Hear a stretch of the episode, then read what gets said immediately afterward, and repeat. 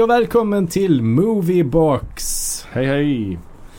Det är sista destinationen i vår sommarturné. Och vi kommer att bege oss till den grekiska övärlden och Kykladerna. Kykladerna? Så heter det väl? Nej, jag har ingen aning. Jag tror det. Ja. Närmare bestämt ön Mykonos. Mykonos ja. Så, bland vitkalkade stenhus i pittoreska byar med slingrande Osso-indränkta gränder Oh. styr vi kosan mot ett blodigt semesterfirande i filmen Island of Death 1976. 1976 var året. Just det. Eh, den här filmen är ju också känd under titlarna Devils in Mykonos, A Craving for Lust, Mm. Psychic Killer Part 2 Ja, och Isle of Perversion. Just det. Och eh, när man uttalar Isle of Perversion så får man ju vara lite vaksam där på Mm. eh, hur man uttalar det så att det inte blir fel. Just det, så det inte blir I love perversion. Exakt. Ja, just det. Det är ju en lite kul grej. Ja. Den hade eh, faktiskt ytterligare no- några titlar och det var Her Naked Flesh, Killing Daylight och Cruel Destination. ja, för det här är en film som är kanske lite svår att genrebestämma. Alltså den Mm. brukar väl klassas som en skräckfilm men, no, men det, samtidigt är det ju en ja, thriller är ett starkt ord men det är lite så Bonnie och Clyde möter torture porn. Mm. Kan man säga det? Den har ju också ett drag av eh, erotik också.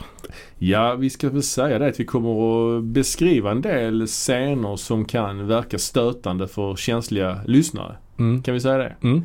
Ehm, den här filmen är ju också regisserad då av uh, Niko Mastorakis. Just det. Grekisk uh, kultgubbe. Ja det är det Det vi har pratat om, vi har faktiskt pratat lite grann om honom i ett tidigare avsnitt. Pratat lite om en film han producerade på ett tag som heter Bloodstone. Vi pratade om den i vårt Ja. Sean Connery avsnitt tror jag. Ja.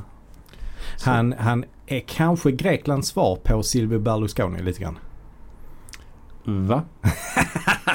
Nej, inte, men han är en mediaman Ja. ju eh, som har varit verksam inom väldigt mycket. Men han har ju, nej, det är kanske lite fel. Han, jag vet inte hur politiskt uh, ja men han var, fick väl insatt han har varit. Han eh, var så. väl, eh, han, han jobbade inom grekiska TVn och Mm. var, fick han inte lite, har inte fått lite skit i efterhand för att han var lite så här strök den här militärjuntan lite med, medhårs och så. Eller hur var det där? Eh, jag vet inte riktigt. Nej. Men, men han, det är helt rätt i att han startade sin bana inom TV. Ja. Eh, och eh, gjorde en del tv-produktioner ehm, och blev lite grann en kändis för han figurerade även lite både bakom och framför kameran. Ja, ja. Eh, så att han gjorde tv-program där han då ibland var programledare och intervjuade folk och så. Eh, men han ville slå sig in i eh, filmbranschen. Eh, så att han producerade en film då först som heter eh, Death has blue eyes. Just det. Ehm, som är en rätt eh, rolig film tycker jag. Lite övernaturliga inslag där va? Ja, lite Carrie-aktigt va? Exakt, exakt. Ja, det, är, ja. Det, är, det är Carrie möter en konspirationsthriller kan man säga. Mm. Eh, Lite som The Fury snarare då kanske. Exakt ja. Brian De. Palmas andra Mm, film med parapsyko... Vad heter det? Para, ja, parapsykologiska film. Ja. Telekinesi.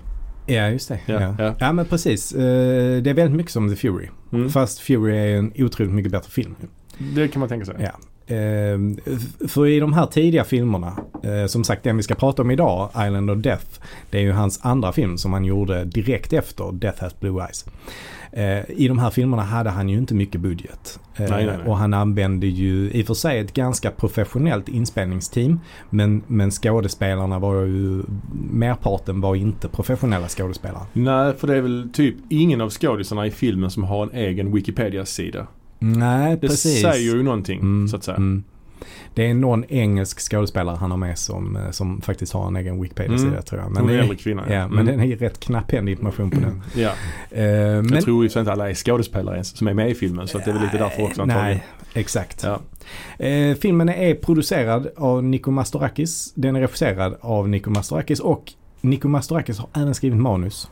Mm. Lite Citizen Kane-varning på detta alltså. Ja, precis. Ja. Och eh, musiken, det har Nikos Lavranos gjort och foto är från Nikos Gardelis. Så min fråga då är, he- hette alla eh, grekiska män på den tiden Nikos? Det var lite enklare på den tiden. Det var enklare så. Men alla de här har ju dock ändrat stavningen till det anglifierade Nick i förtexterna. Ja, just det. Nick Mastorakis Mm. och Nick Lavranos. Mm. Så det är lite sådär i, i sann eh, italiensk eh, Gialli och, Mm, mm. och Polizio Teschi anda. Just det. Just Så det, fick jag det. in den fina benämningen också. Ja, svår, svåruttalad. svåruttalad. Polizio Teschi Just uttalas det. Ja. Det är ju då alltså de här eh, italienska Ja. kriminalfilmerna från Ja. sex- 60-talet som kom innan Giallo-vågen. ja, de höll på in på 70-talet också. Mm. Men det var lite så Eurocrime kan man kalla det Mm, också för. mm. Ja, precis. Ja, Niko Mastorakis alltså. Ja, har blivit, han har fått ett litet anseende om man tittar alltså. Filmbolaget Arrow har gett ut alltså rätt många av hans verk Mm. ju. Zero Boys, The Wind, Blood Tide, Bloodstone Mm. och så vidare. Och även då Island of Death och, och Death Has Blue Eyes. Så att Mm. han har ändå någon form av kultstatus får man ju Mm. säga. Och de titlarna som inte är tillräckligt starka för att ges ut på Arrow Mm. ger ju 88 Films ut. Ja, så att han... han Så där har jag ju mm. köpt till exempel Blind Date. Just det. En, en riktigt härlig 80-talsrulle som handlar om en eh, kille då som eh, blir blind men eh, får någon slags eh, medicinsk utrustning eh, inopererad så att han ändå kan, för att hans, ja, han kan- kan ändå ta emot synintryck genom Ja. ögonen. Eh, men han ser allting bara i, eh, alltså i svartvitt och i, vad ska man säga, så här, det blir så streck så det ser ut lite som att det är uppritat precis som i Tron. Ja, ja. Verkar Men man fett. ser bara alltså konturerna av saker. Ja, Jag har inte sett så mycket av hans filmer. Jag har sett Island of Death såklart, som vi ska prata om idag. Jag har sett Mm. mm. Blood Tide, Bloodstone. Jag har beställt Zero Boys, jag väntar på den liksom. Just det, Mm. just det. Nej men den tillhör väl en av hans klassiker. Ja. Jag tror nästan att vi borde kanske ge honom ett eget avsnitt längre fram. Jag vet ja, inte. det hade varit rätt kul faktiskt. Ja. Jag har sett ändå ganska många. Mm. The Wind har jag sett också och, eh, och Den här actionfilmen också med George Kennedy. Hired to Kill har jag just sett också. det, just ja. det, just det. Ja, det finns Eh, mycket. m- Och även Oliver eh, Reed är ju med i den också. Ah, starkt. Så Det är ju, och även faktiskt José Ferrer. Ja, han är också med i Blood Tide tror jag. Ja det är han ja, Ja. precis. Oliver Reed förresten pratade vi om för ett par avsnitt sen Ja, ju. Att han, ja. han avled ju eh, Ja. i en dryckestävling. Han, Mm. han avled ju faktiskt på Malta som vi också Mm. pratade om i det avsnittet. Tyckte det var lite intressant. Mm. Eh, För det var väl där Gladiator spelades in då. exakt. Och Malta är ju en egen nation. En egen önation. Precis. Och Grekland är ju också något av en önation. Ja, precis. Har du varit i Grekland? Jag har varit, jag har aldrig varit på grekiska fastlandet. Nej, inte jag heller. Men däremot har jag varit på eh, Kreta. Det har jag också. Jag var där senast för ett par år sedan faktiskt. Ja, ja, ja, ja. Jag har varit där Mm. tre gånger totalt. Mm, jag var där ganska mycket eh, när jag var eh, barn Mm. faktiskt. Så åkte vi dit på semester. Mm. Ja, så men det har nog varit där tre gånger tror Jag har också varit på Rhodos. jag. Ja, det har inte jag varit. Jag har nog faktiskt om jag tänker efter bara varit på Kreta. Jag har varit på Rhodos 1990 när Sverige Mm. spelade fotbolls-VM och förlorade med 1-2. Jag såg eh, Sverige-Costa Rica på Rhodos. Ja, ja. Jag var också på Rhodos. Jag har för mig att man spelade in kanonerna på Navarone. Mhm. Så jag åkte förbi den locationen där för mig. ja. Och Ja. apropå du pratade om Utsu också. Jag vill bara faktiskt nämna Mm. att jag har varit på Cypern ett antal gånger också. Mm. Och eh, halva grekiskt kan man tillhör det Grekland eller? Nej, det är det. Sluta. Det är ett eget land ju, naturligtvis. Men det finns ju säga grekcyprioter och turkcyprioter. Ja. Sen har ju faktiskt, Så halva landet tillhör Turkiet och andra halvan Grekland. nej, Kan man säga så? ja, det är ett eget land. Ja, ja. Och där finns brittiska overseas territories som vi pratade om Ah. här förleden. Mm. På Cypern också. Skulle- militärbaser. Det jag skulle komma till var att, för, för du sa att du såg eh, eh, fotbolls, någon fotbollsmatch där. Ja, Sverige-Costa Rica. Ja, 1-2. ja.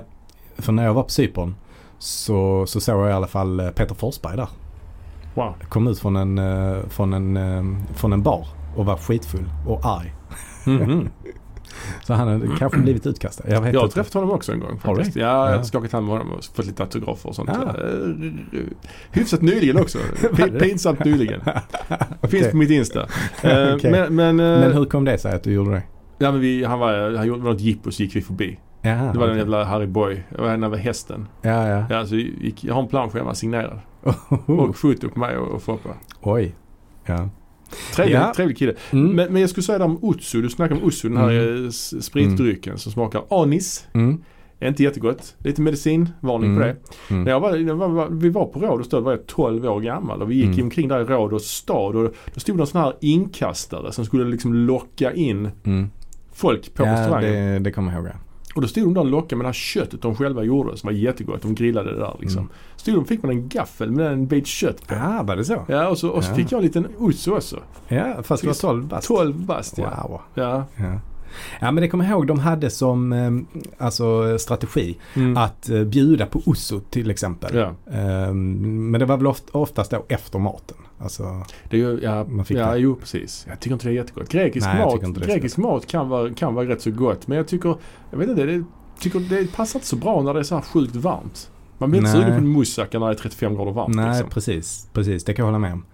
Eh, det grekiska köket är väl inte, jag tycker inte det är jättekul. Nej. Alltså, Nej, det- det tycker inte jag heller. Av de olika köken kring Medelhavet så är väl inte det det roligaste Nej. skulle jag säga.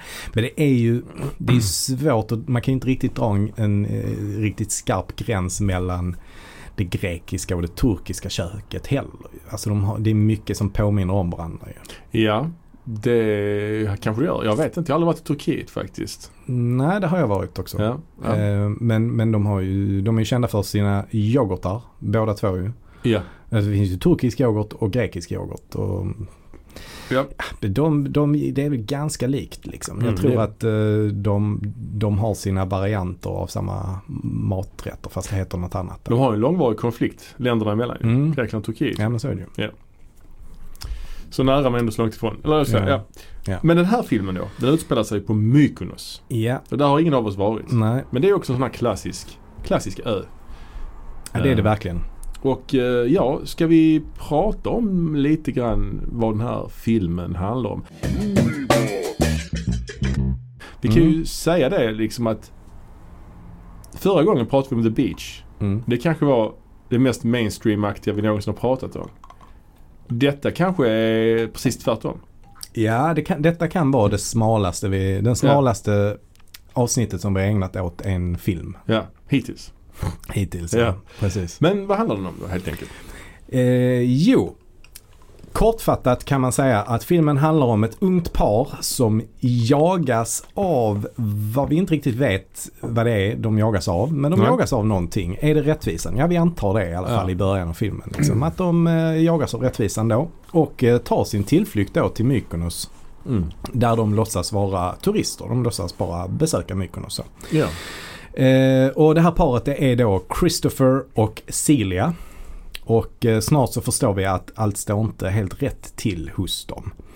Eh, Christopher då har en väldigt strikt syn på moral kan man säga och hatar eh, perversioner av alla slag och Ja. allt egentligen som faller utanför hans eh, väldigt personliga moraliska och etiska eh, mall kan man ja, säga. precis. Han gillar inte otrohet och sånt. Alltså allt som är utanför, utomäktenskapligt. eh, Det är Ja. också hemskt liksom. För honom. Ja, ja. Och allt som är inte tillhör normen kan man säga.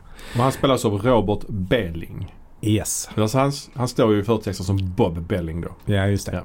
Och Celia då, hon är lite mer naiv Mm. och har kanske inte så mycket eget driv utan följer mer, m- mest med honom istället. Då. Hon spelas av Jane Lyle. Mm. Och detta är väl hennes enda skådespelarprestation som hon är, Ja, alltså jag tror, som man kan säga. jag tror inte hon var skådis ens. Nej, hon var modell. Ja, det Eh, märks ja. rätt tydligt att hon Ja, inte är skådis kan ja, man säga. Med, hennes uttryck så att säga. Ja, precis. Ehm, och eh, Christopher då i alla fall, alla han möter på som han inte tycker faller eh, i, i, inom hans mall då för vad, hur man ska vara. Mm. De vill han straffa genom att döda dem. så så, så det, det som händer då det är ju att han eh, går runt och ser olika människor som han vill döda helt enkelt. Och, och gör det. Och hon hjälper till. Och hon hjälper till Ja. ja. Eh, och de, eh, samtidigt så dokumenterar de då också detta Ja. genom att fotografera eh, all, allt sånt Så det är många sådana här point of view bilder från hans kamera som blir så här stillbilder, freeze frames liksom. Ja, Snapshots. precis. Men allt eftersom så inser vi att de som verkligen är de eh, perversa och omoraliska det är huvudpersonerna och mördarna själva då alltså. Det förstår vi rätt så tidigt. Det förstår vi rätt så Ja, tidigt. rätt ja. tidigt. Men vi förstår mer och mer av deras eh, Mm. eh, på vilket sätt de är omoraliska kan man säga. Och det är då alltså det här med att det är omoraliskt eller att det är perverst. Det är egentligen inte mina ord så liksom utan det är ju de orden som de själva använder då. Jo, ja, alltså, absolut. Han Filmen ju- hette ju Isle of Perversion Ja. till exempel. Och, Han har ju en snedvriden syn på, på vad som är Ja. rätt och fel helt Ja. enkelt. Kan vi ju lugnt, lugnt, E- e- lugnt säga. Ja. Eh, men filmen i alla fall då, den börjar ju med den sista scenen i filmen. Att eh, Christopher ligger Mm. eh, helt blodig eh, på, på marken och ropar på hjälp. Ja, så det är lite flashback-struktur då. Ja, precis. jag. Ja. Är, det Eh, till, är det till och med en liten voiceover då? Ja, det är voiceover. Ja. Det kan det vara där. Ja, ja. För att det är voiceovers lite då och då Ja. i filmen. Precis. Ehm, Vi kan också säga att filmen är ju filmad i 4.3. Så det är ju inte, Ja, det är inte okej. widescreen utan det är sån här kvadratisk bild. ja, och det är väl kanske, eh, det har väl kanske med hans arv från, från tv att göra. Kanske det kanske. Eh, En sak som är intressant är ju också att han, anledningen till att han ville göra den här filmen, det var ju inte att han var ett eh, fan av skräckfilm. Nej. Utan det var att han gick och såg eh, Texas Chainsaw Massacre på, eh, på bio då Mm. när den kom. Den kom ganska tidigt till Grekland. Eh, 74 kom den, Ja. alltså samma år som den släpptes i USA kom den även till Grekland. Okej. Som jag förstår det. Och eh, han ville ju göra en eh, omedelbar succé. Som en, en film som var billig att göra men som kunde dra in mycket pengar. Mm. Så han blev ju inspirerad, inte av filmen Texas Chainsaw Massacre som film, Nej. utan som ekonomiskt fenomen kan man säga. För Ja. den kostade ju 100 000 dollar ungefär kanske. Där. Mm. Give or Mm. take. Men drog in ju eh, flera miljoner. Ja, ja. Ehm, så hans plan var att göra en film som var ännu mer våldsam Mhm. och ännu mer chockerande än vad eh, Texas Chainsaw Massacre. Så, så han skrev manuset på en vecka. Helt Mm. enkelt. Och sen uh, satte han igång och spelade in det. Och han försökte ju bara komma på så många eh, Mm. chockerande och brutala scener som möjligt. Ja men det är precis vad den här filmen är. Den är ju upplagd eh, lite grann som just scen för scen. Ja, det händer konstiga grejer varje scen. Mm. Olika sjuka mord eller Mm. liknande saker. Lite som olika lösryckta Mm. eh, Det är som Sällskapsresan kan man säga. Den är lite samma dramaturgi som Sällskapsresan. Att det är som varje scen är liksom en liten sketch som ska vara lite rolig i Sällskapsresan. Här är det varje scen är lite liksom ett mord eller något annat eh, spektakulärt, i ögonfallande, liksom Mm. Eh, läskigt eller osmakligt eller hur man nu vill säga det. Eh, Ja, alltså det märks ändå att det är en person som inte har så mycket erfarenhet av att eh, regissera. Alltså den, den känns ganska mm, Alltså enkelt gjord. Ja, ja, det är ju Alltså- mycket som inte etableras. Eller manuset skrevs på en vecka säger du och det märks ju verkligen. Alltså det är Mm. mycket som inte man, alltså, som man inte etablerar sedan tidigare. Den dramaturgin är ju Mm. väldigt konstig. Mm. Saker bara Mm. händer. Ja, och den känns uppstyckad scen för scen. Ja, ja, verkligen, verkligen. Det är ju liksom ingen röd tråd utan det är Mm. liksom lösryckta scener. Mm. Och det är ju en sekvens tidigt i filmen när de då kommer till Mykonos. Eh, det här paret då. Christopher för övrigt tycker jag är lite lik Dexter. Han Mm. spelar Dexter, Mm, skulle jag säga. verkligen, det är han. Eh, Absolut. Hon är mer lik uh, Agneta Fältskog typ. Jag tänker, det var någon karaktär i, var det antingen i Dallas, Lucy? Lucy i Dallas. Är hon inte lite lik henne? Ja, lite henne, lite Agneta Fältskog, lite Ja, det, ja. det här blonda liksom 70-tals. Väl, väldigt ljus, alltså väldigt så ljus i hyn Mm, mm. och all, allting Ja. och ljusa, ljusa drag och, och lite sådär. Hon ser väldigt oskuldsfull ut får man väl kanske säga. Precis. Men det visar sig att hon absolut inte Nej, är. det är hon inte. Det är en tidig, film, en tidig scen i filmen när de går in i en telefonkiosk och ska Ja, Ja. de ska kopulera i en telefonkiosk helt enkelt. ja. Och eh, då säger han eh, till henne att jag ska ringa min mamma Mm. medan vi eh, har sex. Mm. Eh, och så gör han det. Ja. Och, och, Ja, och, och, pratar med mamman samtidigt som han har eh, Ja. sex med henne. och då visar det sig då ju att eh, mamman, mammans eh, telefon är avlyssnad ju. Ja, just det. Så av en, av en kille som sitter i eh, en bil utanför mammans lägenhet Mm. i London. Mm. Och så säger han den här killen i, i bilen säger att eh, oh, han är, he's on a small island in Greece. Mm. Get me a ticket to Athens. Så den här killen, Ja. det var etablerat den här då, det här hotet då. Den här killen som avlyssnar mamman. Varför avlyssnar han mamman? Det vet vi inte. Nej. Och hur vet han att han är på en liten ö i Grekland? Ja, han säger kanske att han är på Mykonos. Ja. Ja, eller, så, eller så mm. kan han spåra samtalet kanske.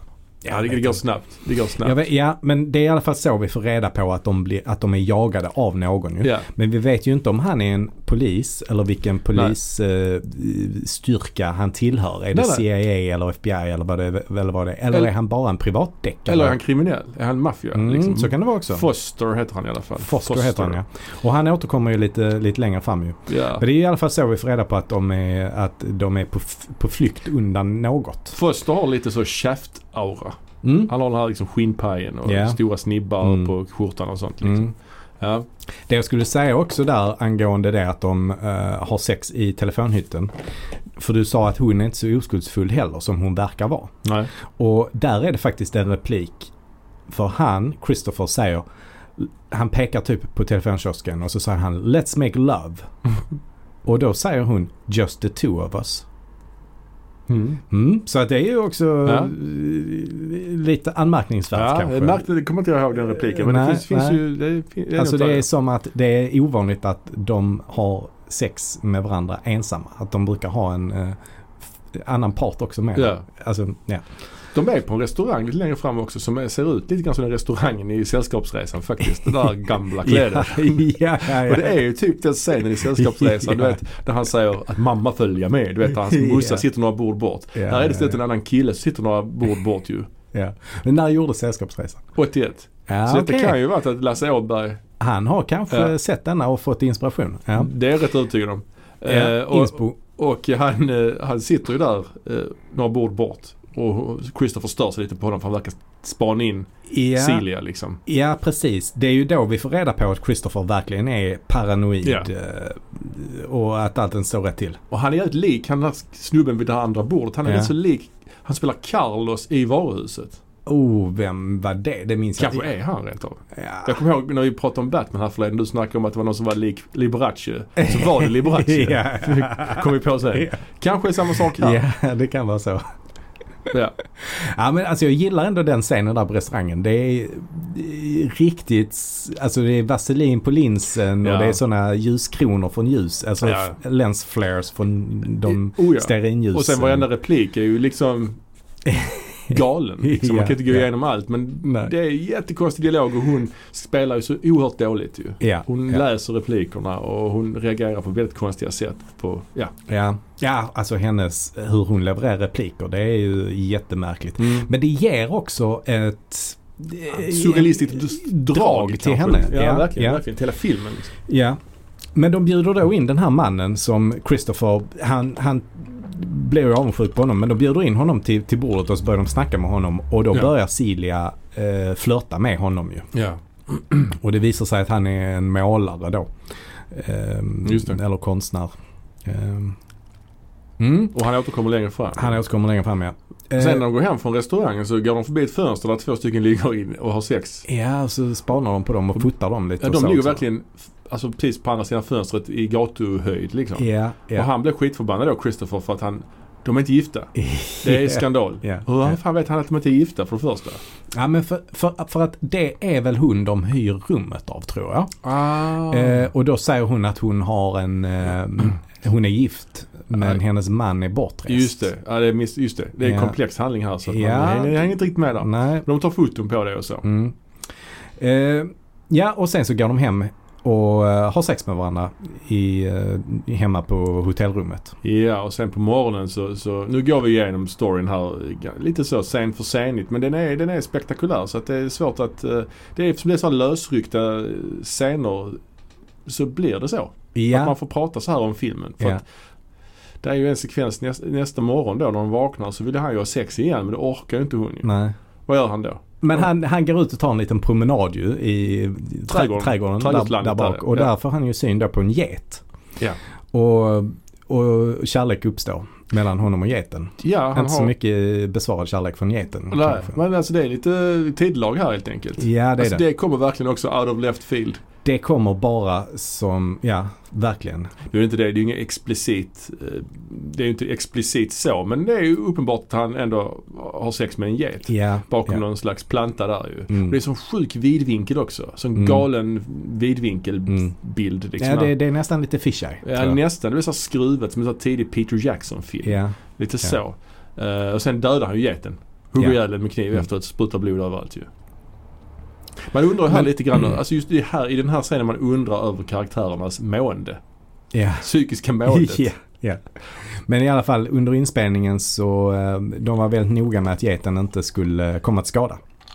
Ja det är skönt att höra. Så att eh, det är det, det, det är inspelat på ett eh, korrekt sätt och geten blev, blev bra behandlad i alla fall. Ja. Enligt regissören själv. Ja. Så de sövde ner geten när de eh, spelade in det. Är det sant? Ja det är sant ja. Ja men hur skulle man annars kunna Ja, nej ja, men ja. göra det med Jag tänker på, det finns ju andra så här filmer där man där de har varit tvek, tveksam behandling av djur. Vi jag tänker till exempel på Zombie Flesh Eaters, vi pratade om den här hajen de Mm. eventuellt drog ut tänderna på.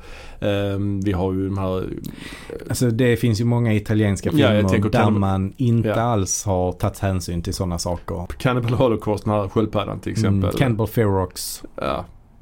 Mycket djur som har gått åt där. Så att ja. Eh, Även och- och- Apocalypse Now, de slog, hugger ihjäl en uh, bu buffel där i Apocalypse Now i slutet ju. Mm, Men det var väl typ okej. dokumentära bilder i och för sig. Ja, ja. Eh, Mm. Men ändå. Mm. Jag tror de, eh, de här, eh, de som gjorde det erbjöd sen att ge hjärtat till Coppola, eller? Eller har jag Mm. fel?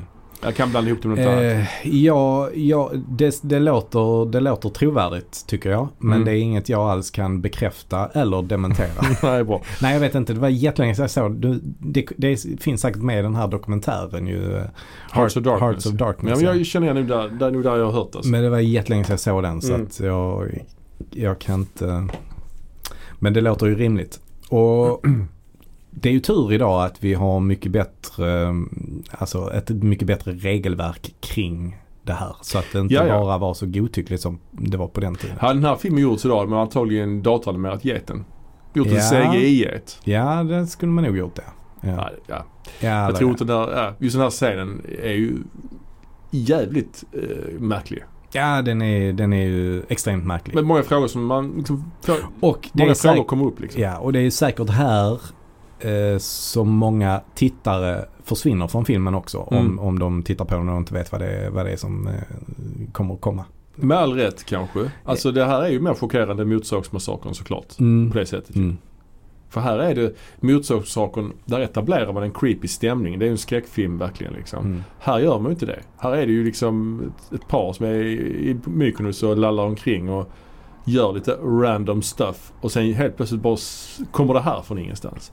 Det är också svårt när du har huvudkaraktärerna då, Mm. som filmen handlar om, eh, som beter sig på det här sättet och, och du kan inte riktigt relatera till någon av dem. Nej, verkligen inte. Det finns ju andra exempel på liknande filmer då, som Bonnie och Clyde till exempel. Ja, Eh, National Born Killers. National Born Killers, Ja. Mickey och Mallory där. Ja. De kan du ju ändå relatera, i alla fall Bonnie och Clyde kan du ju relatera till på ett annat sätt. Ja, men det finns ju Eh. drag av sympati liksom. Mm. Alltså de här två det gör det väl inte heller kanske i National Born Killers? Ja, fast jag skulle ändå säga, nej, de är också liksom så här idioter, kvasifilosofiska idioter. Mm. Men de framställs ju ändå, jämfört med de här två i den här filmen, så framstår ju, framställs ju Mickey Mallory som, jag vet inte. Sen den filmen handlar kanske mer om någon slags kritik mot det mediasamhället som har vuxit Ja. fram. Ja, det är inte Så lika tydligt, någon tydlig samhällskritik finns väl inte i Island of Death. Nej, och det finns ju ingen avsikt heller. Alltså Nej, att, nej. att göra någonting annat än en film som kommer att dra in mycket pengar på grund av sin nivå av eh, chockerande. Exakt. Alltså, så att det är bara det, det denna filmen går ut på egentligen. Ja. Nästa chockerande scen är ju då att eh, den här killen från restaurangen då, han var väl fransman dessutom. Ja, det var nog Det ja. vi nämna. Han hade väl basker Mm. till och med. Mm, mm. Han står och målar något jävla hus och hon eh, Silja går förbi Ja, och börjar också hjälpa dem eh, måla eh, huset. Och sen börjar de ju latcha lite med färgen och måla på varandra. Hon börjar måla på hans skrev och sånt. ja, ja, precis. Och det blir hetare och hetare. Ja, de börjar Och sen- hångla och måla färg. Hur, hennes beteende här är också väldigt så här, eh, what? Mm. Ja, precis. Nej, men hon eh, tyckte väl han verkade intressant då när de snackade med honom på restaurangen. Ja. Eh, och söker upp honom och flörtar upp honom helt enkelt. Mm. Och, men i alla fall så kommer ju Christopher snart. För han är ju alltid i bakgrunden. Ja, han och, fotar lite också tror Ja, jag. han kommer där och fotar dem Ja. lite och så. Ehm, och eh, han eh, smyger ju sen fram då och eh, lägger en snara runt den här målarens eh, hals. Just det. Och drar ner honom på marken. Och det är ganska tafflig eh, scen egentligen. Han Ja. gör inte mycket motstånd den här Nej. målaren. Eh, han, eh, det är precis som att om du får ett rep runt halsen så blir du helt förlamad i resten av kroppen. Ja, det är Alltså, så är det ju inte riktigt. Ja, inte riktigt. Men i alla fall, han brottar ner honom då på marken och Christopher och Celia håller fast honom där. Ja. Eh, och då tar ju Christopher eh, och spikar fast hans händer i marken. Lite som Jesus. Mm, Ja. Precis. Liten koppling här till Bergmans persona. Ja det är det. Ja. Verkligen. Och sen kommer någonting jag inte har sett tidigare i en film. Hur, hur de, de tar alltså den här färgpytsen Ja, och häller färgen i munnen på den här killen som då de precis har spikat fast händerna på i marken. ja så han precis. drunknar typ i det. han drunknar i färg. Ja. Det är jättekonstigt. Det, det, ja, Mm. ja, det är så sjukt alltså. Mm. Ja men det är, det, det, det, är det, för, det är den första människan då som mördas. Ja, ja, det är en jättemärklig scen. Att hon, att hon söker upp honom, börjar hångla. De har sex typ Ja. ute på en gräsmatta som är Ja. in, på, offentligt liksom. Ja. Mitt i stan. Sen kommer alla och korsfäster honom och häller färg i munnen på honom tills han dör. Ja, det är, eh, det är galet alltså. ja. Men det är rätt så Förutom det då att han ger sig lite väl enkelt, målaren Mm. då, i eh, slagsmålet som föranleder att Ja. han blir eh, fastnaglad eh, kring, till marken. Så tycker jag det är en ganska intressant scen faktiskt och rätt, rätt rolig och minnesvärd också. Mm, jo, det, det, man har aldrig sett något liknande. Nej, Alltså, just med färgen där. Eh, ja. Sen är det bröllopsdags va? Ja, sen blev de då inbjudna till en eh, förlovningsfest hos, eh, ja, lite tidigare har de då träffat en, eh, han ska nog vara amerikan tror jag. Han är Mm. väldigt flamboyant. Han ser ut lite som Steve Coogan. Lite grann. Ja, det kan man säga. Lite grann. Ja, lite, det- lite mer eh, korpulent kanske. Lite mer korpulent ja. Ja. Det är ett gaypar i alla fall. Mm, det är ett gaypar, Mykonos ja. är ju en känd, eh, alltså ö, just för Mm. gay-klubblivet liksom. Just det. Men om det var redan på den, den tiden, men det var det kanske. Jo, det, ja, det, det kan jag inte svara på. Men eh, Nej, men just att skildra ett gaypar i en sån, ja. så pass tidigt det är ju rätt så, Eh, På tal om homosexualitet och så. Finns det inte en ö också som heter Lesbos? jo det gör det. Det där ordet lesbisk kommer ifrån. Ja. Ja. ja. Ja. Så de, Eh, Så är det. Eh, eh, Men ja precis, och de, de, de, ja, de blev bjudna på bröllopsfest. ja, Eller blir förlovningsfest Mm. kanske det. Och eh, men han, Christopher, han, han är ju inte någon, eh, vad ska man säga, han är inte någon progressiv i sitt, han är inte, ingen progressiv människa i tankesättet där utan han tycker ju homosex- homosexualitet är helt fel ju. Mm. Så han och Celia ska ju gå hem, gå hem till det här paret sen och ska döda dem också. Ja, just det. Eh, De bryter sig in ehm, hos det här paret. Paul och Jonathan heter de. Ja. Ehm, och medan de då eh, ligger och myser i sängen och precis när det börjar he- hetta till lite mellan dem Mm. så angriper Christopher dem.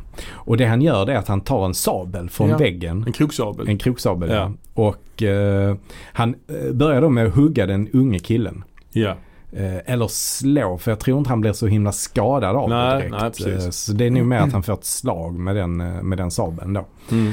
Och när det händer så flyr Paul ut i uh, Mykonos gränder Ja, och, och det är- springer där ja. i, i natten. Ja det är natt ja. Och sen jagar de med sabeln. Ja, Och Celia går in då och med, med en pistol ja, mot den här unge killen. ja. Och hotar honom med pistol. Mm. Tvingar honom att suga på pistolen kanske? Ja, precis. Ja. Och sen skjuter hon honom i huvudet.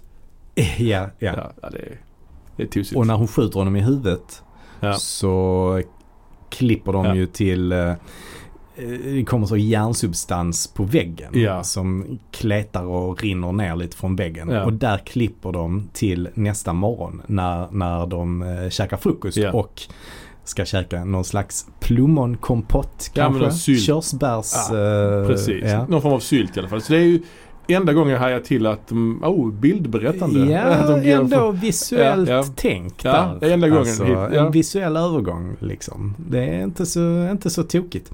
Det som händer under tiden här också att eh, Cecilia, eller Celia hotar med pistolen där. Och skjuter eh, Mm. Jonathan. Det är ju då att eh, Christopher jagar fatt Paul med sabeln och eh, hugger och dödar honom Mm. i, eh, i en sån här gränd. Och jag gillar ändå de, de scenerna när de springer där i gränderna i Mykonos Ja, faktiskt.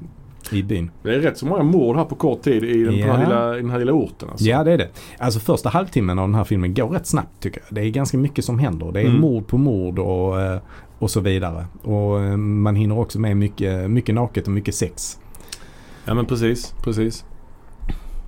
Men sen till slut eh, nu så här så anländer ju den här Foster som, som jagar dem. Han anländer Ja. ju på Mykonos och börjar snoka runt.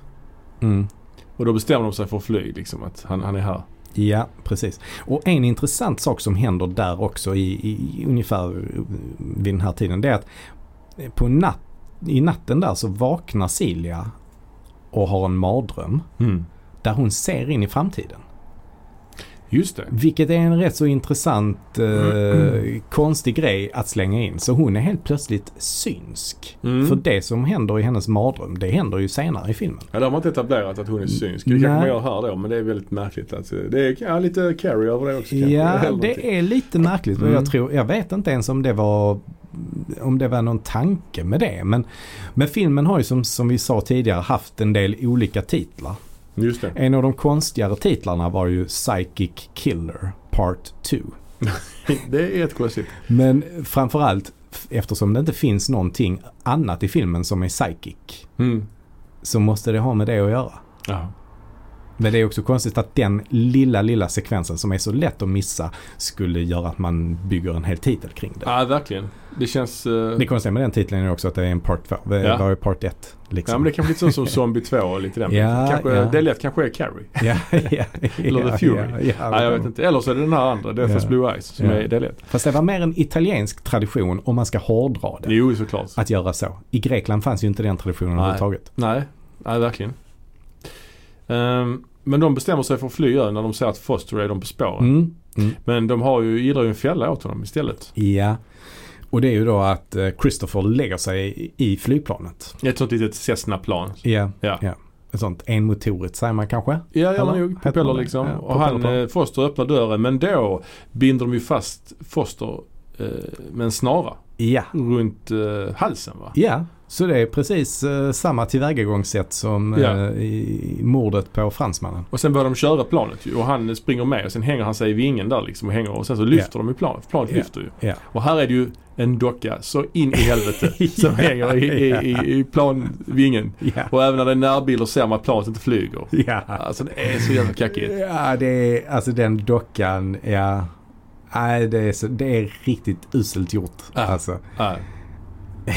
Men fan vad de uträttar mycket Dockan på den är här ön liksom på kort tid helt, alltså. helt, helt stilla, helt fast fjättrad. Ja, ja, ja, Alltså, vi, vi på vingen där.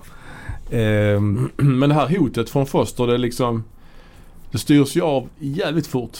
Ja. Han är, hinner knappt komma dit innan han dör ju. Eh, nej, nej precis. Han hängs ju sen i planet. Alltså ja, han och dör. han etablerar dem ju ändå i ett par olika scener ju. det att han snokar omkring där liksom. Ja, dels Ja. att han är utanför eh, mamman där ganska tidigt i filmen. Och sen även när han kommer, väl kommer till Mykonos att han går omkring lite grann och sen ser de honom och... Är det lite så- som i, i The Shining, han, eh, du vet han, eh, vad heter han? Han Scatman Crothers karaktär. Som också har The Shining-gåvan. Mm, Att han är, man, man följer honom på väg till hotellet hela tiden.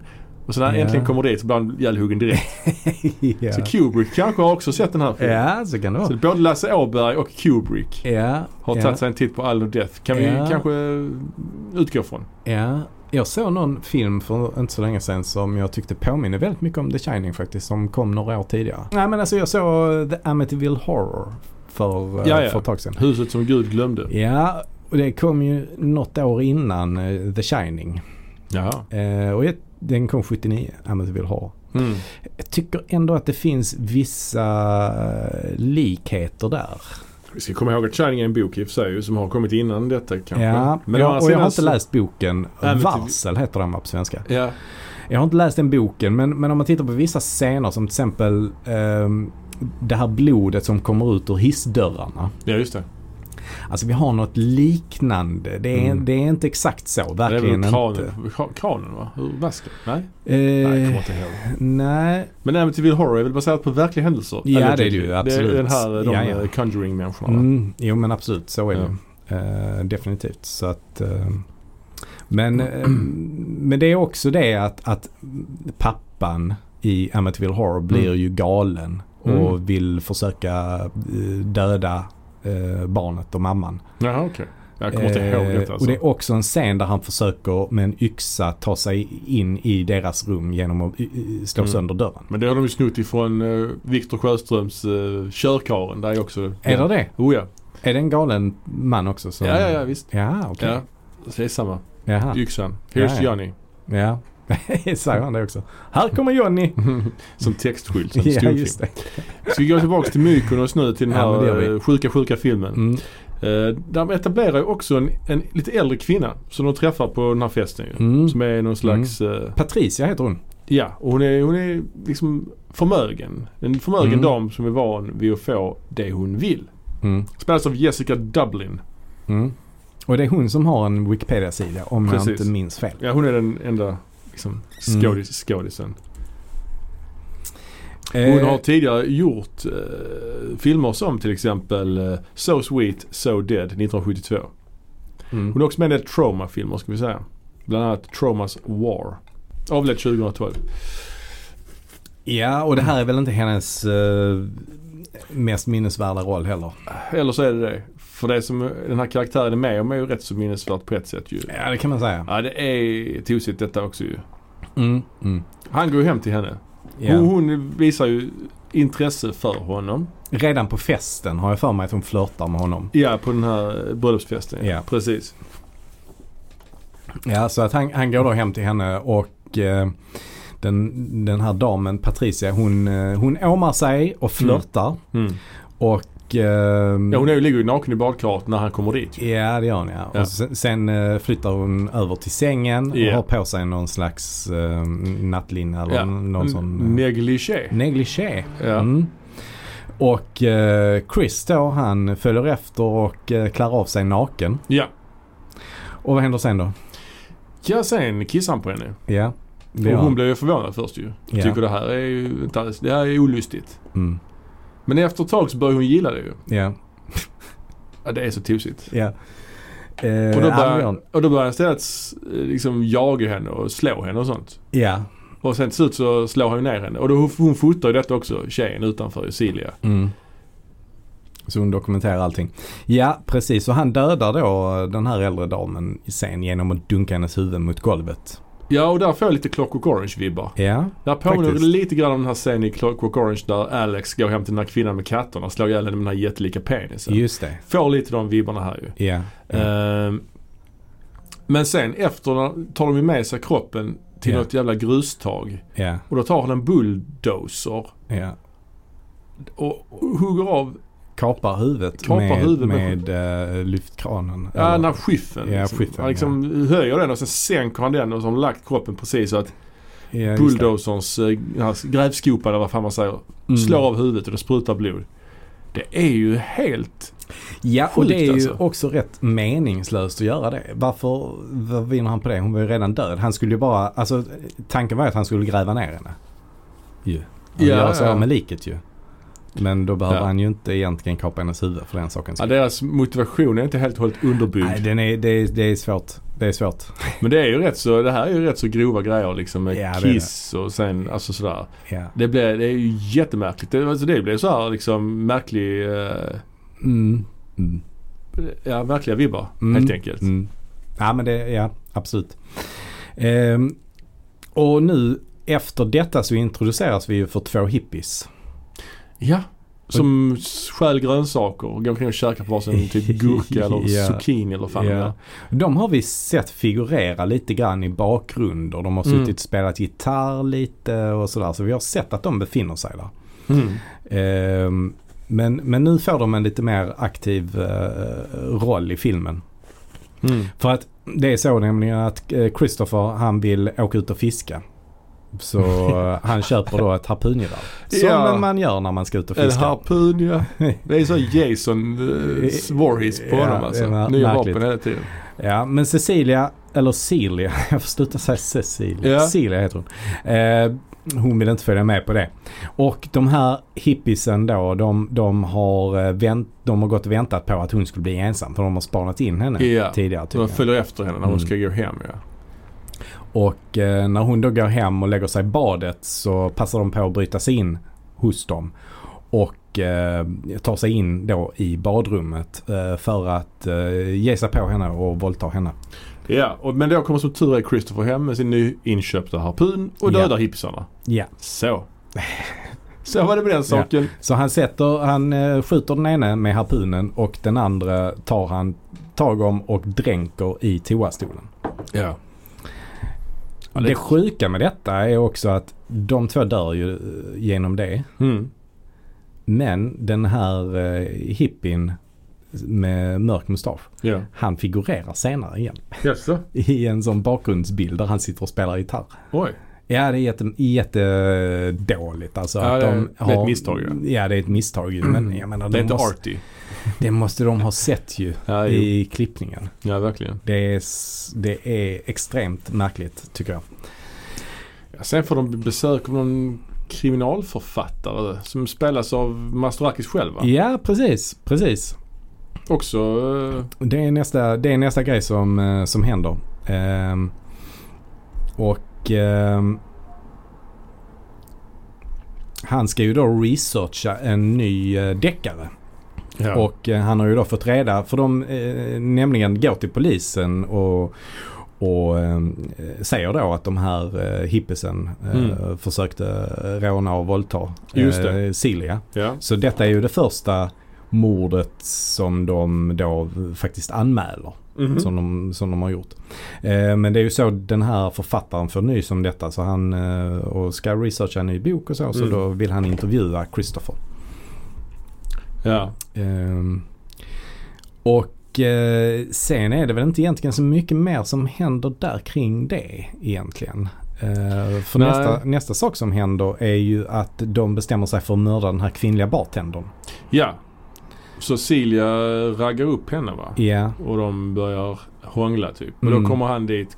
Han fotar ju det naturligtvis på sin jävla kamera. ja. Och sen kommer han dit och ja, bränner, bränner henne. Han tar en sån här eh, sprayburk och tänder eld framför och sprutar så hon Ja. bålar upp hennes ansikte typ. För det hon gör, hon, hon, eh, hon är ju heroinist ju. Så hon, hon tar ju, ehm, hon skjuter ju upp eh, heroin och eh, när hon gör det och ligger och är lite borta efter det Ja.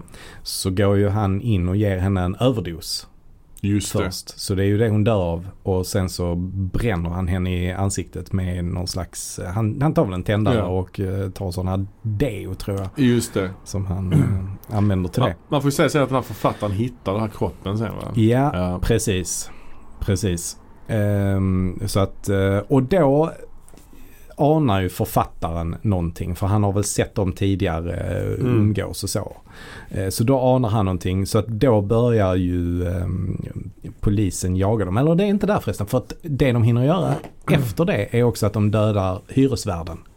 Ja, han jagar henne med någon skära eller en Ja. lie. Nej, en lie är en sån stor. En skära är det, va? eh, En Ja, alltså det är en skära Ja. som i hammaren och skäran. Exakt, han jagar henne med en skära. Enhandsfattad. Ja exakt. Ser ut som en halvmåne ungefär. han byter ju vapen i varje scen. Ja det gör han. Ja, Det är ju lite Jason. ja det är det detta. faktiskt. Ja.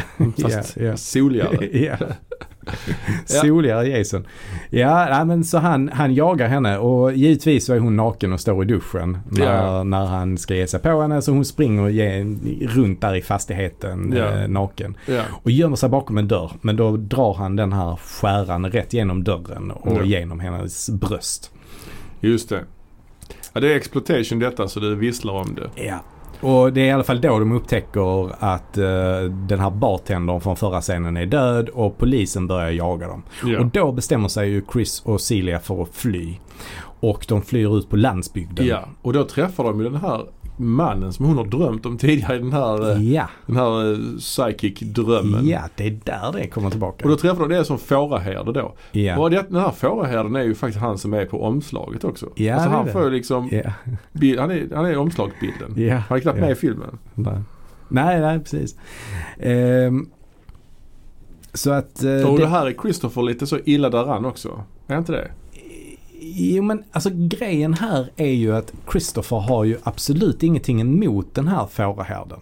Nej. För att han tycker ju att fårahärden håller sig inom hans moraliska ramar. Mm. Det här är en oskyldig person. Som inte har begått något eh, brott av något slag och inte är i Christophers ord pervers då. Ja just det. Ehm, så att det här är en, en god människa. Så han har inget, hyser inget agg alls mot eh, den här fårahärden ju. Nej. Men är inte Christopher lite skadad? Lite utslagen? För att fåraherden förgriper sig ju på Celia. Ja. Det gör hon. Eller det gör han ja. Ja. Mm. Och Christopher ligger där i halmen bredvid. Ja, och Och sen börjar de ju slåss. Ja. Och fårahärden slår ner Christopher Och våldtar honom och också. våldtar honom. Medans eh, Silja tittar på. och hon bryr sig inte riktigt om Nej, det. hon bryr sig Här inte. med. vänder hon, jag fattar inte den här vändningen, det är så konstigt. Hon Ja. börjar liksom få sympatier för den här fåraherden. Ja, Och sen tar fåraherden och slänger Kristoffer i en hög med kalk ja. utomhus. Eller vad det nu är. Det är inte kalk. Jo han säger lime. Nej, laj. Lut. Lut. Är det ja. Jag Ja, tänkte väl det. Men det är ju inte heller lut det är egentligen. inte helt... eh, Utan det är ju troligtvis då, eh, vad är det, kalium tror jag. För att lut, alltså kaliumet blir inte lut förrän det reagerar med vatten. Just det. Det är det som är twisten i detta. Ja. Och Men- här är ju då, här, det är ju det här filmen börjar också. Att han ligger där i den här högen med precis. kalium. Kaliumhögen. Ja, fast kalium kanske inte heller riktigt ser ut så. Jag vet inte. Men, Skitsamma. men i alla fall. Han, han ligger där och är fast i det. Kan inte ta sig upp. Ja, jag vet inte. Han har blivit så, han är så hemskt, eh, ja precis han är helt Illa-. Ja, illa däran ja. ja. Och då är helt plötsligt Silja ihop med den här fåraherden nu. Ja, hon väljer ju då att, att stanna och väljer att inte hjälpa Chris eftersom Chris ligger där i, i, den, i det här grustaget med kalium och, och ropar på hjälp. Men Ja. hon vill ju inte hjälpa honom. Nej, och han säger "Åh, det, om det börjar regna kommer jag brinna upp. Eller så. Ja, för då, för då blir det lut och då Ja. blir det frätande på huden. Har man det så liggande i en hög så i trädgården? Nej, jag vet Nej, det är inte. ingen trädgård riktigt. Nej, men det är väl mer ett... Ja. Ja. Det känns dumt att ha det så. Om det nu är känsligt för vatten så kanske man ska ha något skydd över det. Skitsamma. Ja, ja, men det är ju på landsbygden och det är bara han den fårahärden som Ja. rör sig där. Så Ja, att, han har inte så mycket. Nej, och man får tänka det här var på 70-talet. Det fanns Ja. inte så mycket så säkerhetsföreskrifter och så för, för eh, sånt. Men här kommer då filmens twist också i alla fall. Ja. Och vad är det då? ja, men det är ju då att Chris avslöjar ju då att de är syskon. Ja, han och Silja. Han och Celia är syskon. De är alltså inte ett gift par utan Nej. de är syskon. Och jag förstår inte detta. Nej. Alltså jag förstår. Det gör ju då. Det omkullkastar ju hela hans moraliska tänkande. ja, det gör det ju. Om han nu är ihop med sin syrra. Det Ja. måste ju vara, det är också frowned upon minst sagt ju. Ja, så han är ju verkligen den som eh, har, eh, vad ska man säga, problem egentligen med eh, Ja. sin moraliska kompass ju. ja, det såg vi redan i, med geten i trädgårdslandet. Ja. Där var det också den moraliska kompassen. Den pekade åt alla möjliga håll men aldrig åt rätt håll så att säga. Nej. Och likadant hos den här tanten han kissade på och högg ihjäl med en bulldozer. Ja. Där är det ju, där finns ju eh, förbättringspotential. ja. Det är ju ett mående som inte är ett, ett beteende som inte uppmuntras och ett mående som behöver eh, förbättras. Ja, ja. Kanske något form av, någon form av anstalt. Ja, för att ta sig an precis. Christopher. Ja. Men det sjuka också är att det här, det, är ju, det håller ju liksom inte att de är syskon. Varför säger han då när de är, när de är i den här telefonkiosken, jag ska ringa min mamma. Det måste vara deras mamma då ju. Mm. Alltså, Ja, det, det, det förutsätter jag att det är också. Att hon är mamma till båda ja, han säger barnen. han säger verkligen, jag tänkte verkligen på detta sen. Att han, han säger inte mother, han säger my mother. Ja, okej. Ja, alltså det var inget jag alls eh, reflekterade över faktiskt. Ehm, Jag har ju bara sett den här filmen en gång i och för sig. Men Mm. jag tror det var så. Jag har sett den jättemånga gånger. det, det, det vet jag. Men, men, ja, men ja. Nej men alltså jag reflekterar inte över det att han säger my mother. Alltså jag tänk, köper ändå det. Jag kan ändå tänka mig att det är någonting man, man, man säger så.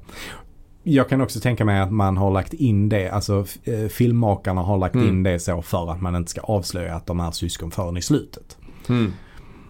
Ja, det, fattar jag. Men för ja. annars avslöjar man det kanske lite om han skulle säga our mother.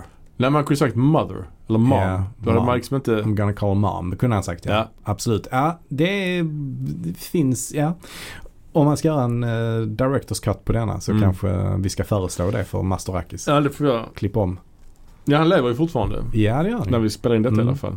Eh, ja, vad ska vi säga? Vad, något, vad, vad ska vi summera den här filmen? Vad vi, vad, våra åsikter? Ja, men slutligen så kan vi i alla fall säga det att filmen avslutas ju med att det börjar regna och därmed Ja. börjar eh, kaliumet reagera med vattnet och fräter då sönder Chris som, som dör då i gropen. Just det. Slutligen. Medan hunden går in i, i halmen med fåraherdar. Just det. Och lever där i resten av sitt liv.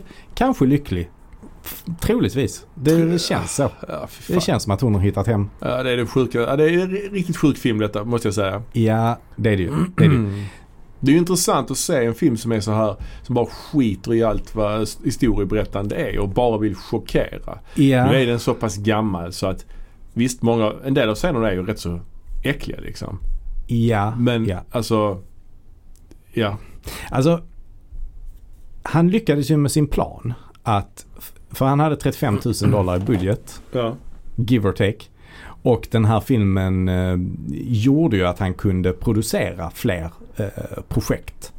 Det han gjorde efter den här filmen var ju ett, verkligen ett storprojekt som heter, heter den? The Greek Tycoon. Ja, med Anthony Quinn. ja. Och ja. Jacqueline Bisset. va? Ja, precis. Han är Som- alltså lite baserat på han eh, Onassis liv. Ja, ja. Det är- Jacqueline Bisset spelar ju eh, Jackie Kennedy. Ja, det är intressant. Hon heter Jacqueline Ja, och spelar ja. Jacqueline. Mm. Men ja, jag tycker, ja, det är ju jätte, jättekonstigt att efter den här jävla exploitation-filmen göra något sånt epos. Att få, Mm. att, den här Mm. filmen, att den här filmen gav honom möjligheten är jättekonstigt. För det här är ju ingen, Mm. det här är ju ingen kommersiell film som lockar en publik. Nej, nej. För det är ju ingen så det är ju ingen sån skräckfilm som, som man liksom tänker sig lockar en ungdomspublik. Utan detta är ju bara liksom en... Det är bara obscent Ja. och grovt. Och ja, det finns ingen finess i det. Nej det gör det inte. Så att det handlar ju bara om att chockera. Och, och jag tycker det är också intressant att han, Mastorakis själv förstår inte riktigt varför filmen är så omtyckt. Nej. Och han gillar själv inte den. Nej. Nej. Han, han, han är inte liksom stolt över filmen. Men han är ändå stolt över att han har gjort den. Mm. Om, om du förstår skillnaden där. Alltså, han är stolt, Stolt över över att, uppmärksamheten han har fått kanske.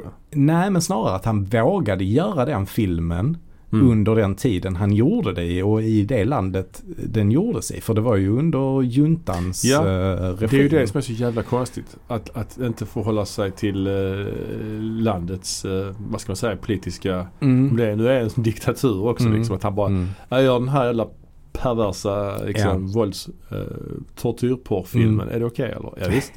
Det är Ja. jättekonstigt. Ja, men sen är väl stolt över att han, han gjorde den för att den sen då kunde, han, det gav honom medel att kunna fortsätta sin filmkarriär ju. Mm, Så ja. det är väl ur det perspektivet som han är stolt över att han har gjort den. Men Mm. inte stolt över själva filmen i sig kanske. Nej. Eh, ja, ganska intressant ändå. Eh, Märklig musik i filmen också, tycker- är det inte det? Ja, jag tycker, jag gillar ljudläggningen och musiken. Men det är- märkliga texter har jag för mig. Är Mm. det inte lite så eh, poe- poetiskt? Ja det är det. liksom? Det är Ja. lite så Demis Roussos eh, det. eh, Mm. Lite, ja men en skönsångare som Mm, mm. sjunger om hjärtskärande smärta och sånt där. Ja. Så att, men, men jag tycker ljuden i filmen är rätt bra. Redan i förtexterna så börjar ju likheterna med eh, Texas Chainsaw Massacre ju. ja, kamerablixtarna. Mm. Ja, just det. Men de är ju mycket, mycket bättre gjorda i TCM. Exakt. än vad de är i den här. Men det, man ser ändå att var han har tagit sin inspiration ifrån. Absolut. Här hör man ju då istället för de här blixtarna som de här metalliska ljuden Mm, mm, i mm. TCM. Här hör man ju då i, i, istället eh, en slutare från en kamera Ja. som knäpper bilder. Ja, lite mer eh, ordinärt. Ja, det är lite mer ordinärt. Ja. Men det ger ändå någon slags eh, känsla, tycker jag. Ja men jag, jag, som sagt jag har bara sett den här filmen en gång inför Mm. detta då. Eh, för att vi skulle göra, jag vet inte varför. Vi valde ju den här filmen för det är något väldigt, eh, lite mer obskyrt och vi ville till en, vi ville till Grekland Mm. kände vi. Vi ville till Grekland. Ja, vi valde denna. Eh, men jag, jag vet inte, det, det var en film som var intressant att se i all sin galenskap. Liksom. Ja, Detta är ju film, den, ja. Eller hur? Galenskap är ju det som man tänker på. För så, sånt här görs ju inte idag. Nej. Eh, Sådana här filmer, alltså visst det kan göras sjuka filmer idag men de har ofta en mer eh, utvecklad story. Ja, ja. Ka- karaktärer som vars handling motiveras av något och så vidare. Har man inte här ju. Nej, det har man inte. Alltså det finns inte mycket som binder ihop karaktärernas psykologi. Kanske man kan Ja, säga. och hur hon Alltså, bara byter sida helt plötsligt. Ja, eller hur han ja. då är emot all form av perversion som man säger men är själv ihop med sin syrra. Och ja, har själv sex med en get också tidigt i filmen. ja, ja, det är så konstigt. Ja. Och, och dialogen, det måste vara något av det sämsta som har skrivits. Ja. Och dess personregin är också urusel. Mm. Alltså ibland ser man, eh, där är en scen precis i början där de träffar på den här eh, Paul då, den här flamboyanta eh, homosexuella herren som Mm. sen, eh, som de senare är på förlovningsfest hos. ja. Eh, och då, då, då är alla tre, han ska, han ska ju visa dem var de kan hyra ett hus eller Mm. hyra ett rum. Mm. Eh, och då, då, då har han tryckt ihop, för att de ska få plats i, i samma frame så att säga, framingen då. Mm, mm. Så har han tryckt ihop alla tre i en dörröppning. Så de står helt så trångt Mm, där mm, och det ser bara helt onaturligt ut. Och jättemärkligt. Men det är bara för att de ska få plats i bildutsnittet så får de stå med helt så onaturliga Ja. på, påsar. Slippa klippa, slippa ta olika shots. Bara Ja. film liksom. Ja, det måste vara det. Ja. Ehm, ja, men de står helt orimligt nära varandra. Så att, eh, ja. Och hur de levererar repliker är ju, där har vi ju diskuterat med, med särskilt med, med hon Cilia, hur hon Mm, levererar verkligen. sina repliker. Mm. De är mycket märkliga. Ehm, och sen är också en annan grej som jag vet inte om du har tänkt på att de ska ju vara syskon ju. Just det. Men han pratar ju väldigt ordinär amerikansk dialekt. Ja. Men hon pratar ju faktiskt brittisk engelska får man säga. Ja, Liv Ullman-syndromet. Ja, ja, ja, ja, verkligen. Men det är väl kanske detaljer egentligen. Ja. Ehm, fotot kanske Mm. saknar lite grann en sammanhållen idé. Jo, ja, oh, ja, det är rätt så platt. Men det har de sjuka vidvinkelinslagen ibland. Jag tycker mer att det är det som jag tycker är lite märkligt att den, det, det finns ingen röd, Nej, röd nej. tråd i fotot. Ibland är det liksom så här murrigt 70-talsfoto som Mm. inne på den här restaurangen med Mm. lensflares från Just det, stearinljusen just det. och sådär. Mm. Vaselin på linsen och mm. jada jada jada. Eh, Och sen så ibland så växlar man då till mer extrema närbilder men eh, inte de här vidvinkliga närbilderna utan Mm. inzoomade närbilder bara på ögon och så kan det vara ibland. Mm. Eh, till då att man går till de här, det här väldigt närgångna fotot med eh, fisheye Ja. Eh, jag gillar det, de bilderna som är tagna med, med alltså vidvinkellinsen. Ja, de har ju någon karaktär. De skruvar, ger någon sån skruvad Det- känsla till Eller hur? Mm. Ja, och det, det faktiskt det, det, det uppskattar jag. Det, det använder han ju ofta i de dramatiska scenerna och actionscenerna och så. Mm. Och det tycker jag, ja men det ger någon slags så här voyeuristisk känsla ju. Det ser ut som man tittar ut genom ett nyckelhål och bara Mm. liksom är åskådare till ett skeende. Mm. Eh, Så att man kommer ändå rätt nära det på något sätt genom det. Mm. Faktiskt. Så att jag mm, kan ändå uppskatta det. Men som sagt det finns ingen sammanhållen idé med fotot känns det som. Ja, men jag, eh, men du, du är inte så jätteförtjust i filmen då, antar jag. Eh, nej. Nej, jag, alltså. Nej, det är jag inte. Jag tycker, alltså den har ju Det var intressant att se på grund av dess galenskap. Mm. Den var så annorlunda. Men för mig, för att jag ska gilla någonting så måste det vara mer en eh, underbyggd story liksom. Mm. Och, och karaktärer som är motiver- med mot- motiv- motivation och så vidare. Men jag kan hålla med om det. Eh, det som jag dock tycker är förtjänster med filmen det är ju att det är faktiskt en väldigt fin kontrast mellan alltså det mörka innehållet Mm. och det, den ljusa och vackra miljön som de är ja, ja. Och den kontrasten gillar jag Mm. i detta. Sen själva filmen och storyn och så. Att se filmen påminner lite om att peta i ett sår. jag. Alltså, Ja, ja, ja. man vill kolla lite på det men man, man ryggar tillbaka och tycker att det här är rätt dåligt och rätt äckligt. Mm. Alltså, man fattar lite vart filmen är på väg någonstans och vad som ska hända men man utsätter sig ändå för det och Mm. eh, kollar vidare på det. Mm. Och man blir ändå lite förvånad hela tiden. Eh, Jo, ja. Tycker jag. Över att, han verk- att de verkligen gör de här grejerna. Mm, verkligen. Eh, Så det är, väl, eh, det är väl det som jag ändå tycker är behållningen med den. Och Mm. jag kan ändå tycka att jag har ganska kul när, när jag kollar på den. För Ja. att den är så galen. Ja, ja. Ja, Ja. har du något, de här olika morden då? Har du något mord du gillar? Alltså gillar som, som sticker ut. Alltså det är ju många som, grejer som sticker ut i den här filmen ju. Ja. Men vi brukar ha så här bästa mord när vi pratar skräckfilm. Eh, och jag vet inte, det, det, det är ju rätt så spektakulärt när de halshugger henne med bulldozen. Då är hon ju i och för sig Mm. redan död men Mm. det ser ju rätt sjukt ut. Sen är ju den här med häller färg, den är också jättekonstig. Mm. Ja, det, det, ja, någon av dem kanske. Någon av Det, dem är själv ju, det är ju 11, bodycounten är ju 11 Mm, om man räknar geten. mm, Och om man räknar Chris. ja. Så då är bodycounten 11. Ehm, jag kan tycka att när han, eh, det som föranleder att Paul mördas med, med sabeln i gränden. Just det. Jaktscenen där kan jag eh, Mm. gilla. Eh, Mm, Faktiskt. välgjord. Ja. Mm. Eh, ja men jag tycker, tycker ändå det är bra. Jag tycker faktiskt att han Paul är ganska bra Mm. eh, skådis. Ja, men han spelar ju en rätt extrem eh, flamboyant eh, karaktär. ju. Ja men, han jag- känns ju, han känns, eh, precis, han känns ju som en skådis lite grann. Ja och jag tycker att skräcken han har när han springer och blir jagad i Mm. Mykonos smala gränder Mm. känns ganska äkta faktiskt. Jag tycker det, den, är ganska, den är ganska bra. Eh, men annars så tycker jag nog att eh, målaren är Mm. det bästa mordet också. Precis. Ja. Mm. Ja detta var eh, vårt sista resmål den här sommaren. Ja, vi Så- avslutar på Grekland med flaggan i topp. ja. Och nästa avsnitt så kommer bli lite mer eh, som det brukar kan man säga. Att vi kommer prata om någon annan Mm. film inom någon härlig genre. Just det, Får ni se vad det blir. ja. Nu korkar vi upp med taxan Jo, gott ja. Det är och gott. eh, smakar lite på den. Ja. Och eh, ni får ha en eh, skön sommar där ute, Mm. det som är kvar av den. Just och eh, har, ni, har ni någon fundering så kan man mejla oss eller eh, kika in på vårt Instagram eller Facebook-konto. Ja, gör det. Så ha det så bra så länge. Ha det så bra. Tack hej. för idag. hej. hej. hej.